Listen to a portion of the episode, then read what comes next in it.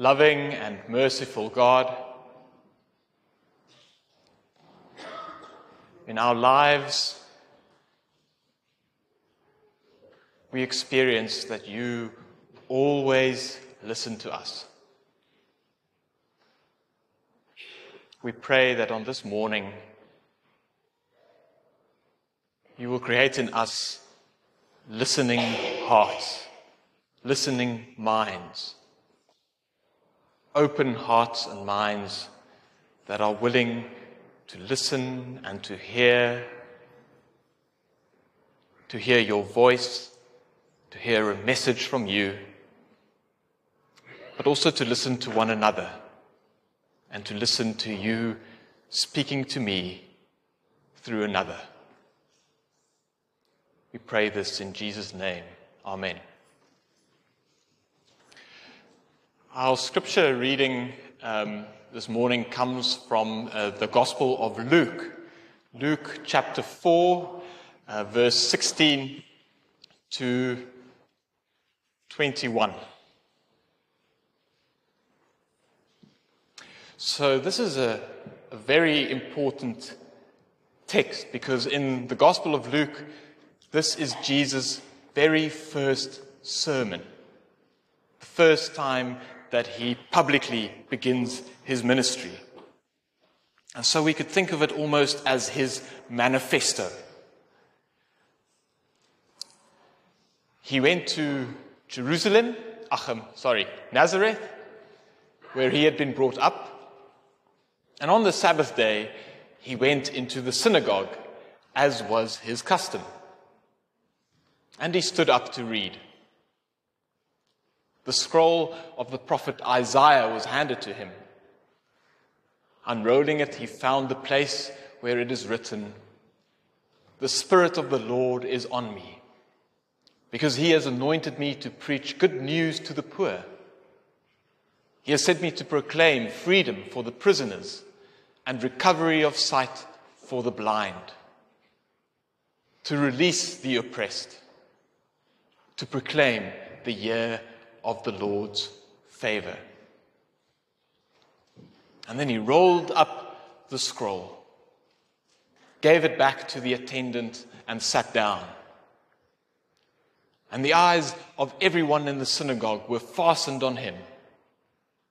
And he began by saying to them, Today, this scripture is fulfilled in your hearing. The Word of God.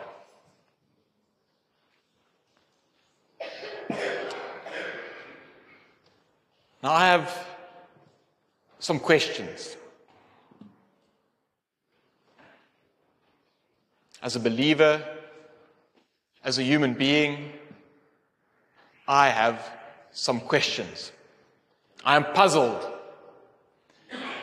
To be a human being, I think, is to be puzzled, isn't it? Now, but I think to be a Christian is to be even more puzzled. How do we live with unheard prayers?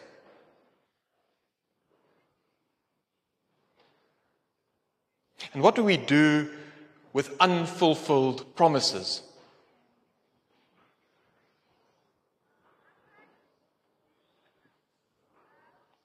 What do we do with dreams that have not become realized? As Christians, we pray. We have scriptures filled with promises. We have a dream. And so, as Christians, we are faced with a dilemma. There are so many beautiful promises in the Bible of peace and of justice, of healing, that we do not see realized in our lives and in our world. God's dream of a renewed creation of people living as brothers and sisters in peace this remains in many respects just a dream. Many prayers, so many cries for help, so many intercessions go unanswered. And we wonder were our prayers even heard?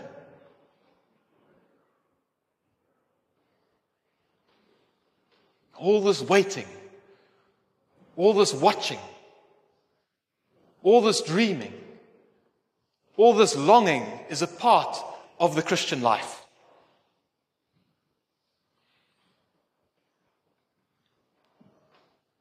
To be a Christian is to live with unanswered prayers and unfulfilled promises, dreams deferred. But how? How do we live this way? One answer would be to say that while we wait, we do so together. That while we wait for prayers to be answered and promises to be kept, we keep on keeping on. Living, praying, watching, waiting, dreaming. Always dreaming.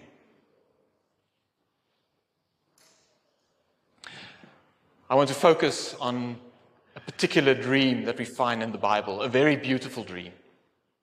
And it goes by different names. The one name is the year of the Jubilee.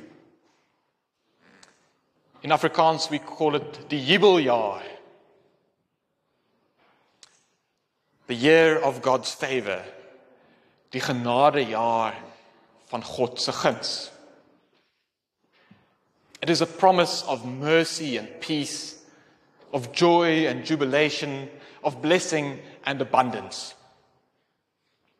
And the first time we hear of this dream is in Leviticus 25. I know most of you uh, don't read Leviticus too often. But try and read chapter 25. It is gripping. What we find there is a radical economic policy based on the logic of the Sabbath.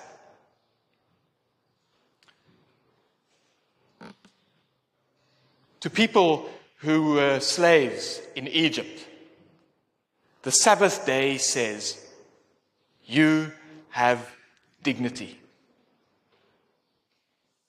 In Egypt, you belong to Pharaoh, and he never allowed you even one day's rest. He worked you to the bone. But I am the Lord your God who delivered you from Egypt, and you now belong to me. You carry my image in the world. And therefore, as I did when I created the world, you will rest on the seventh day. Every seventh day. Imagine never having, they didn't have weekends. Imagine never experiencing something like this. And from now on, regularly on the seventh day, you come to rest. The Sabbath is for resting, but also for remembering that God frees people from bondage, that God restores people's dignity. Now, in Leviticus 25, this idea is developed further. It says, it begins by saying to the Israelites, Look, you're going to enter into the Holy Land. And as you and your animals should rest on every seventh day, the land should also rest. We're speaking of ecology. Every seventh year, no plowing, no sowing, no harvesting for future years, because the land must become replenished. What ecological wisdom! And don't we need something like this today? And just as People and animals rest every seventh day, and just as the land rests every seventh year, so the Sabbath principle should also be applied to the economy. To society as a whole. God and God's people understood that after a period of time, chances were good that some people would have gained a lot of wealth, while others may have had to borrow money just to stay alive. And we know how these things go. The more you have, the quicker you get more. And if you don't have a lot, if you're in debt, it is very difficult to get out of that cycle. So there was a danger, a very real danger, that Israel would start looking like Egypt again, with a hierarchy where a few had too much and the many had too little. So here was the plan.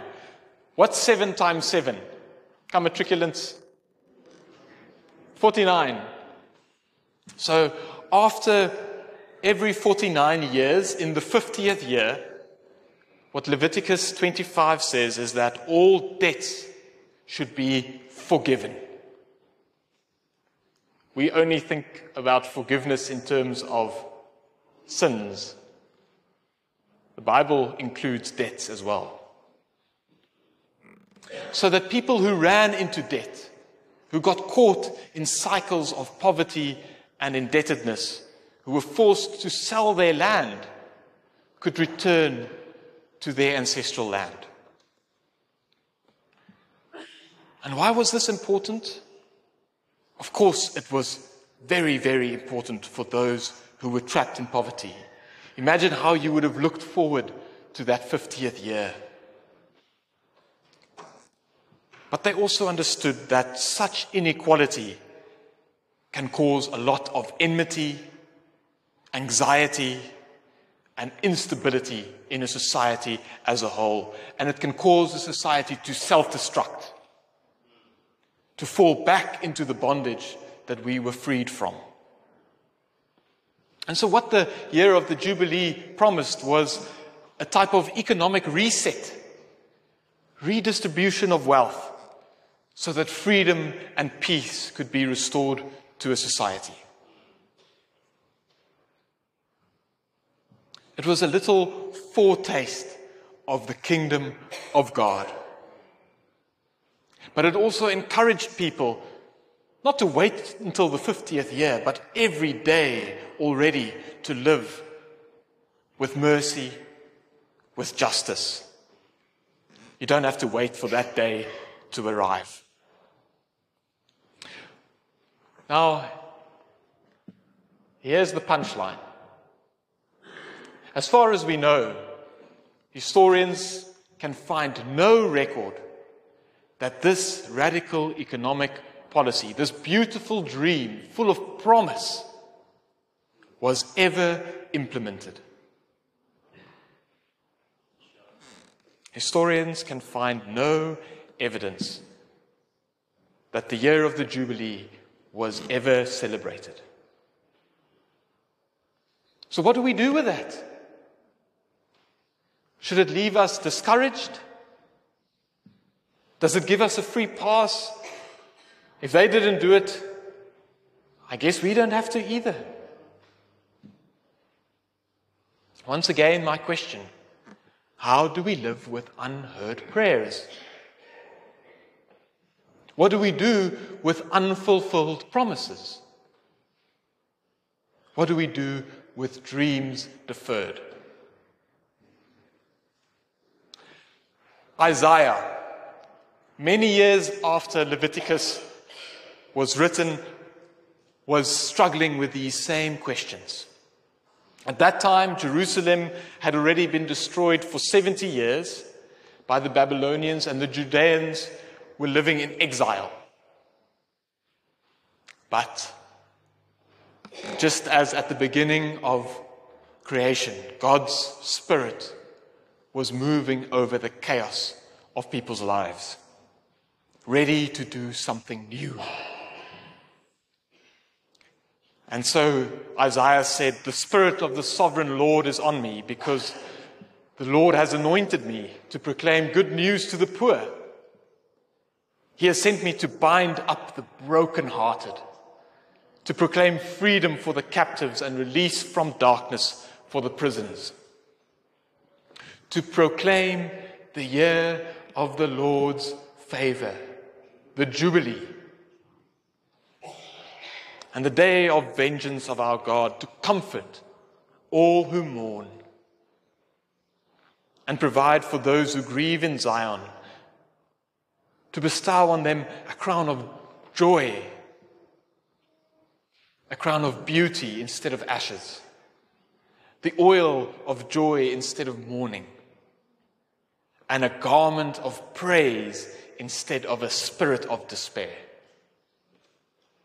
They will rebuild the ancient ruins and restore the places long devastated.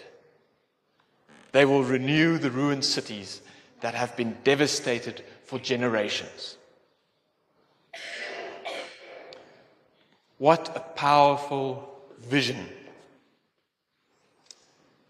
What a beautiful dream. And how striking in these days when we've been seeing images from the Holy Land, images from Israel and Gaza of destroyed cities.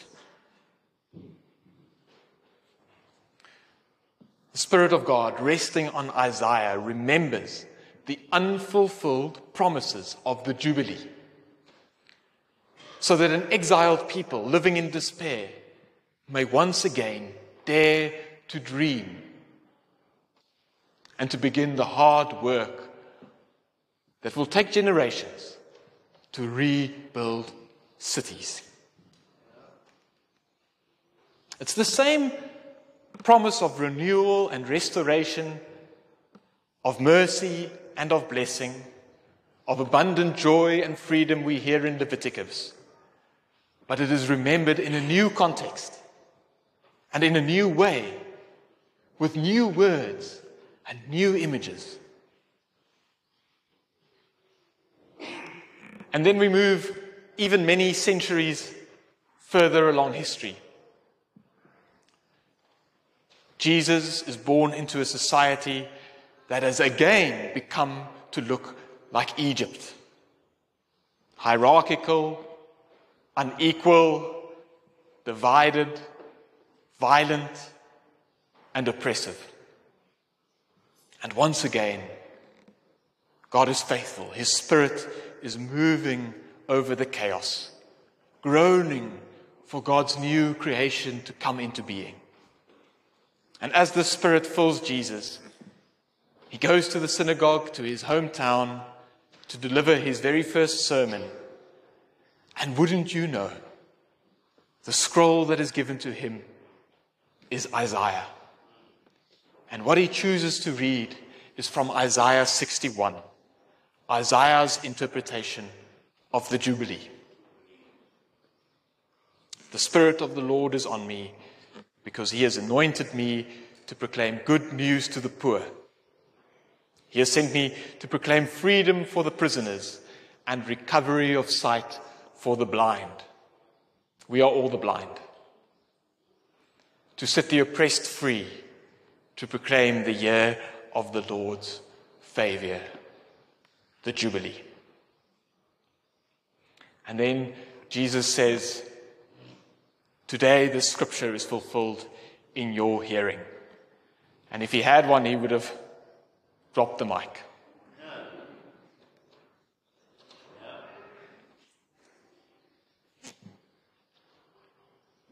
So, Jesus, through the power of the Spirit, was resurrecting the promise filled dream of the Jubilee, a dream that people thought was dead and buried. And so Jesus began a Jubilee movement. And that is exactly what we see when we follow him in his life, in his ministry through the, script, uh, through the Gospels, as he goes healing and forgiving people on the Sabbath, feeding the hungry, as we heard earlier this morning, teaching us about generosity, eating with tax collectors calling on the rich to share their possessions. That is us. We are that Jubilee movement as the church. A people living in the power of God's Spirit. We are a people inspired by God's Spirit to remember the unfulfilled promises of the Jubilee. We are Jesus' resurrected Jubilee movement, called to use our creativity and our skills and our wonderful ingenuity to reimagine the day of God's favor in new circumstances. So, are we beginning to get a picture, an answer to the questions that I have? What do we do with unfulfilled promises? What do we do with dreams deferred? How do we live with unheard prayers? Well, by the power of God's Spirit, we keep on keeping on. Filled with hope, we dare to dream new dreams filled with joy. Prayerfully and together, we wait with bated breaths, waiting for God's Spirit to move over the chaos of our lives and the chaos of our society. And courageously, and this takes a lot of courage, but also faithfulness, trustworthiness. Courageously, we make new promises. We make some promises promises of justice and mercy. And then we keep the promises that we make.